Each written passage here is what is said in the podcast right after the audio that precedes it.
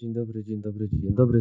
Na zachodzie już e, tak klasycznie, jeżeli ten duet prowadzi. E, Bartek Kiernicki, witam Ciebie Bartku. Dzień dobry. I Wiktor Sobociński. Jesteśmy dzisiaj w Seattle, czyli e, na zachodzie, na północy, także Stanów Zjednoczonych. Miasto Grunge'u i jak zwykle, jeżeli mówimy o tym mieście i piłce nożnej w ostatnich latach, a właściwie praktycznie zawsze chyba, no to jest o czym mówić. Jest to zespół, który zawsze poniżej pewnego poziomu nie schodzi, w przeciwieństwie do zespołów, o których z Bartkiem e, mówiliśmy już wcześniej. Seattle Sounders, e, Bart, jak oceniłbyś ich ten sezon? Tak na razie zajmijmy się samym sezonem regularnym, bo do playoffów na pewno dojdziemy i o playoffach powiedziałbym, że jest co mówić, ale tam właśnie nie ma za bardzo co mówić. Dzień dobry wszystkim. No co? Seattle Sanders to jest taka dynastia, bo oni istnieją od 2000 bodajże 9 albo 10 roku. Zawsze awansowali do playoffów. To był bodajże ich 12 sezon z playoffami. W ciągu ostatnich pięciu sezonów czterokrotnie doszli do finału, dwa razy wygrali od 2017. No, kosmiczny projekt yy, muzycznego miasta, tak jak już Wiktor zwrócił na to uwagę. No, no, no, no są, są, to kosmici, no inaczej tego określić się nie da. Odnośnie sezonu zasadniczego, początek mieli rewelacyjny. Jeśli dobrze pamiętam, 12 albo 13 spotkań bez porażki. Naprawdę odjechali wszystkim w konferencji zachodniej po prostu. No. Jak zwykle Seattle, Seattle Sanders musiał się tak rozpędzać początek sezonu zwykle miał taki, no powiedzmy, mocno że średni. mocno średni, to ten początek był naprawdę wow. Później środek sezonu to porażka, zwycięstwa, porażka, zwycięstwa. Ogólnie mało remisowali w środku sezonu, to albo win, albo lose, e, więc tak, wszystko albo nic. No i, rozjech- i mieli pewne miejsce, że zdobędą pierwsze miejsce w konferencji. No i ostatnie sześć spotkań to już był dramat trzy remisy, trzy przegrane, trzy punkty w sześciu meczach. No i w ostatnim meczu, e, właśnie przez ten remis, spadli o jedną jednostkę, o jeden poziom i Colorado Rapids ich wyprzedzili na ostatniej prostej. Co w ogóle jest dla mnie skandalem, jeśli chodzi o Seattle. Jedynymi meczami, które Seattle grało poza ligą MLS to było Leeds Cup. Dlaczego? Bo w finale mistrzostw w tamtym sezonie przegrali 3-0 z Columbus Crew i po prostu nie awansowali do Champions League, to yy, Seattle po prostu yy, grało z Leeds Cup. To jest taka yy, nowa, nowy turniej przeciwko Meksyk, przeciwko MLS i Seattle miało dość dużą szansę żeby wygrać, bo wygrało z dwoma meksykańskimi drużynami. Dopiero w finale przegrało z Leon 2 do 3, więc y, bardzo był to wyrównany y, mecz. No i co, no niestety im się nie udało wygrać żadnego trofeum. To troszkę spoilowałem rozmowę o playoffach, ale no nie wiem, czy oni, czy to był dla nich dobry sezon, no bo dla nich to jest standardowy sezon, tak? Awans do playoffów, być jedną z lepszych drużyn w MLS. No, no to tak jakby spytać się, nie wiem, mhm. Manchester City, czy jest zadowolony z tego, że był w pierwszej piątce Premier League, albo nie wiem, zespół Mercedesa, albo wiem, Ferrari, czy są dobrymi zespołami w Formule 1. No jest, to jest taka oczywista oczywistość, prawda? Tak, no to jest troszeczkę inaczej, ponieważ tych pucharów jest mniej, bo nie grało US Open Cup w roku 2021, e, ponieważ nie zagrali przez to, że tych zespołów, te zespoły kwalifikują się na innych zasadach trochę w CONCACAF Champions League, ponieważ jednak tutaj troszeczkę inaczej działa ta, te, te awanse do tej e, właśnie CONCACAF Champions League niż w europejskim wydaniu. No więc y, nie mają żadnego trofeum, ale w MLS, y, te drużyny MLS to nie jest tak łatwo mieć y, co roku trofeum jakieś, tak. Jednak albo trzeba wygrać sezon regularny, albo playoffy, albo US Open Cup, jeżeli gra, bo jednak CONCACAF Champions League to zdarza się niezwykle rzadko, jest wielkim świętem w MLS, czyli jakikolwiek zespół wygrywa. Więc tak, powiedziałeś, już zaspoilowałeś, że to MLS Cup nie było wygrane. Zaspoilowaliśmy, że, znaczy nie zaspoilowaliśmy, po prostu powiedzieliśmy, że sezon regularny też nie był wygrany, ponieważ zajęli trzecie miejsce przez to, że w ostatniej kolejce nie wygrali z Vancouver, tylko było tam jeden do jednego. No właśnie, to ostatnie sześć spotkań. Trzy przegrane, e, trzy remisy i to zadecydowało o tym, że trzecie miejsce ostatecznie na koniec sezonu regularnego.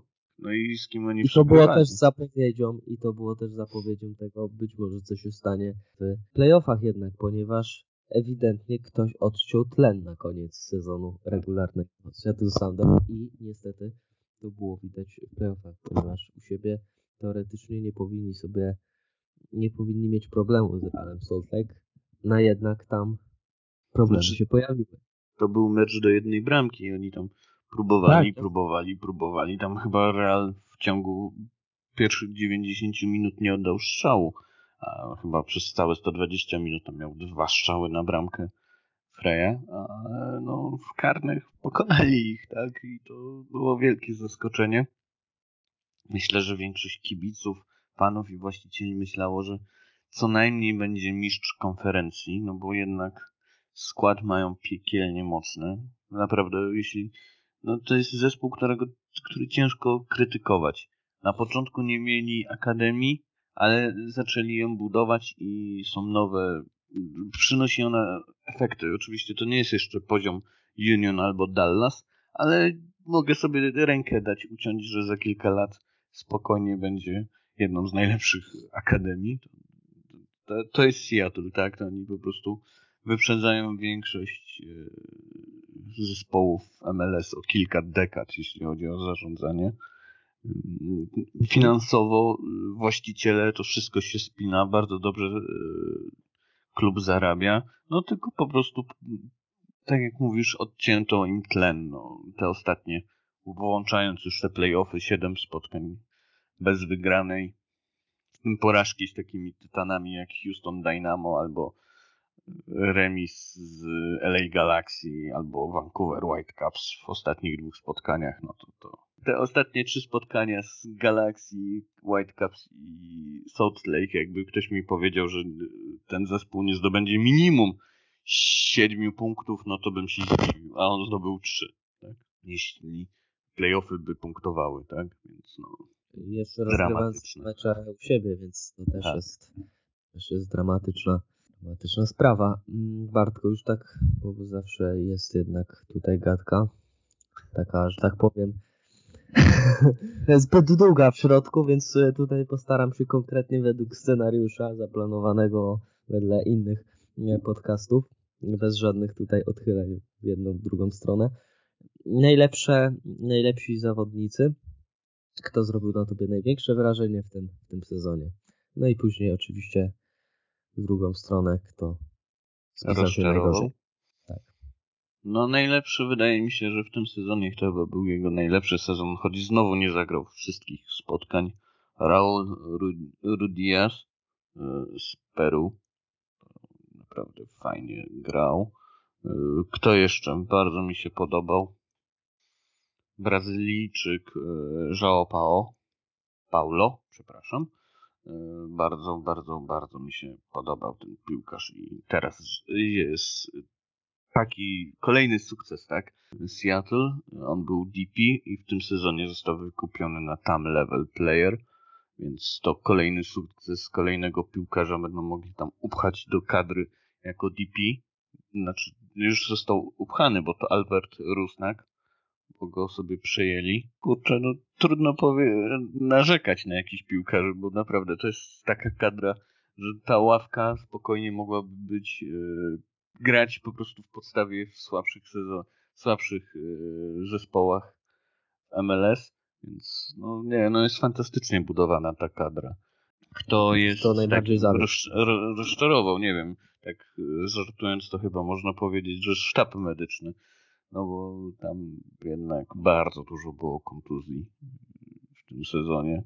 Bardzo tak, dużo. Zdrowie, zdrowie było największym zawodem Seattle tak, Sounders. Tak, to myślę, że jakby ten skład cały czas był zdrowy, plus nie było e, spotkań e, o, o awans do Mistrzostw Świata, bo tam troszkę graczy reprezentacyjnych mają, no to byłoby klękajcie narody, że się tak wyrażę. No ale, ale Bartku... da, dalej, dalej jest to bardzo silny zespół, więc no, ciężko mi powiedzieć, kto mnie najbardziej zawiódł. No. A no może, też nie może... jest Bartku tak, że troszeczkę już mówimy, bo jednak no, wymieniłeś dwóch wspaniałych piłkarzy. Ci oczywiście przyklasne do tego, ale Paul Rudias na przykład 31 lat, João Pedro 30 lat, w przyszłym roku no, o jeden rok więcej. E, to jest troszeczkę, jeżeli mielibyśmy tutaj mówić na mapie MLS, starzejące się społeczeństwo w Seattle. Masz rację, tylko no mają dość dużo młodzieży, która może będzie wchodziła na wyższy level, więc tu, tu jest duża szansa, że ci młodzi wejdą, że się tak wyrażę, wyżej. Niektórzy mieli już, no naprawdę takie lepsze, że się tak wyrażę, wejście i na przykład takim chłopakiem był Josh Atencio, Atencio Mhm. On ma bodajże 19 lat, w tamtym sezonie 25 spotkań, 30, no dużo, no tak dwie trzecie sezonu spokojnie rozegrał. Oczywiście to też przez kontuzję innych graczy, ale, ale naprawdę... Tak, na 18 aż w pierwszym składzie to jest. Tak.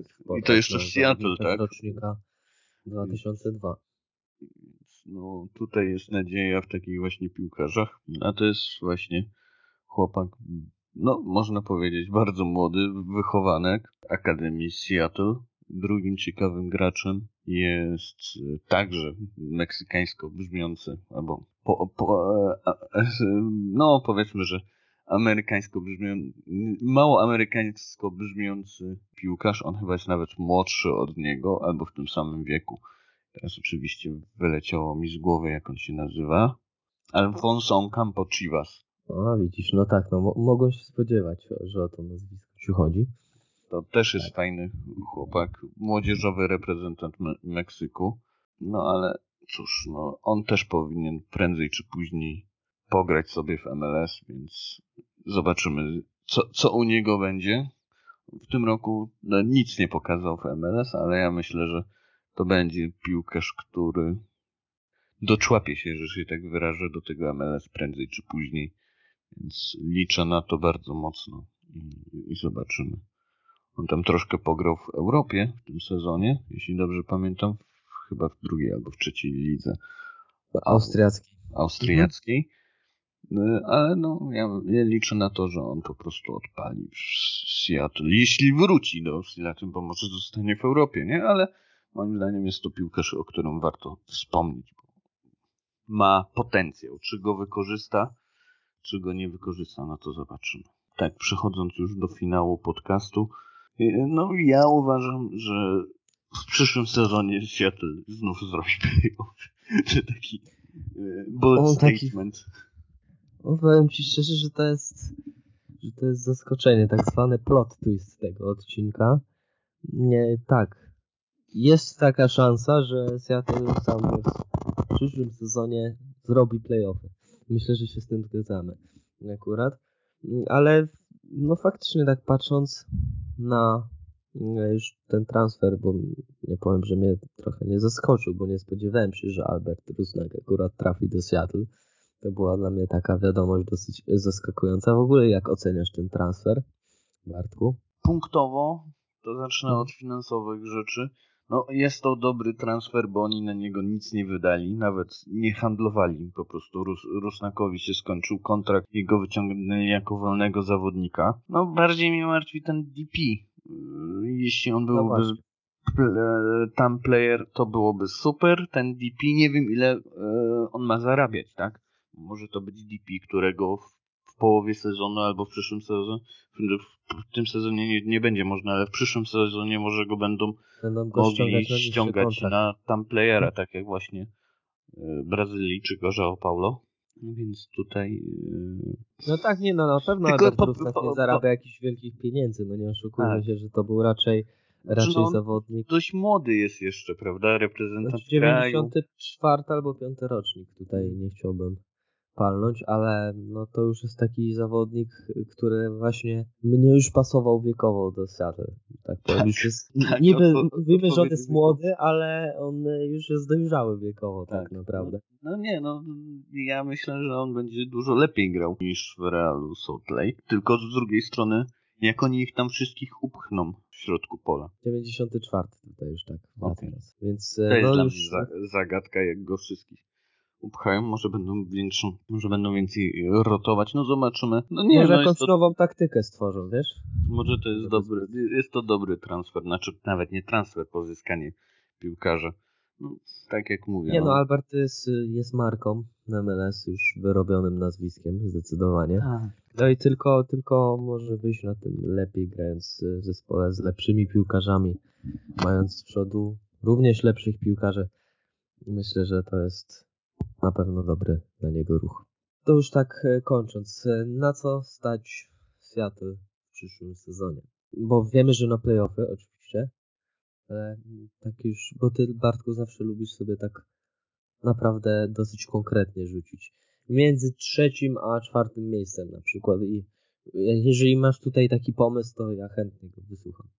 Top 3 miejsca w, w konferencji, playoffy, mhm i myślę, że coś tam zrobią w Lidze Mistrzów. Półfinału US Open Cup. No tak, chociaż oni Open Cup traktują tak po macoszemu. Zobaczymy, nie? Bo jeszcze zapewne będą tu grali w Lidze Champions League. Zobaczymy, kiedy, czy Open Cup w ogóle wystartuje, bo niby ma wystartować, ale no wiadomo jak z pandemią to będzie wyglądało. No zobaczymy. Top 3 powalczą w CONCACAF Champions League. Nie wiadomo jak będzie US Open. Takie są predykcje Bartka Kiernickiego wobec Seattle Sounders w 2022 roku. I myślę, że słuchacze są ukontentowani Twoją wypowiedzią na ten temat. Ja też jestem ukontentowany, Bartku, Twoją wypowiedzią na ten temat. Wszyscy są ukontentowani Twoją wypowiedzią na ten temat. To jest najważniejsze. Myślę, że w tym momencie możemy rekordowo krótki, to jest dla nas w rekordowo krótkim czasie, szybkim, e, Bartku, zakończyć e, podcast o Seattle Sounders. Myślę, ja jestem na przykład z nas dumny, że dzisiaj bez, bez rozgadania zbędnego. Cóż, mogę tylko podziękować słuchaczom, że mieli cierpliwość nas słuchać. Miłego dnia bądź wieczoru. Do usłyszenia. Pozdrawiam. Do usłyszenia następnym razem. Bartek Kiernicki, Wiktor Sobocicki.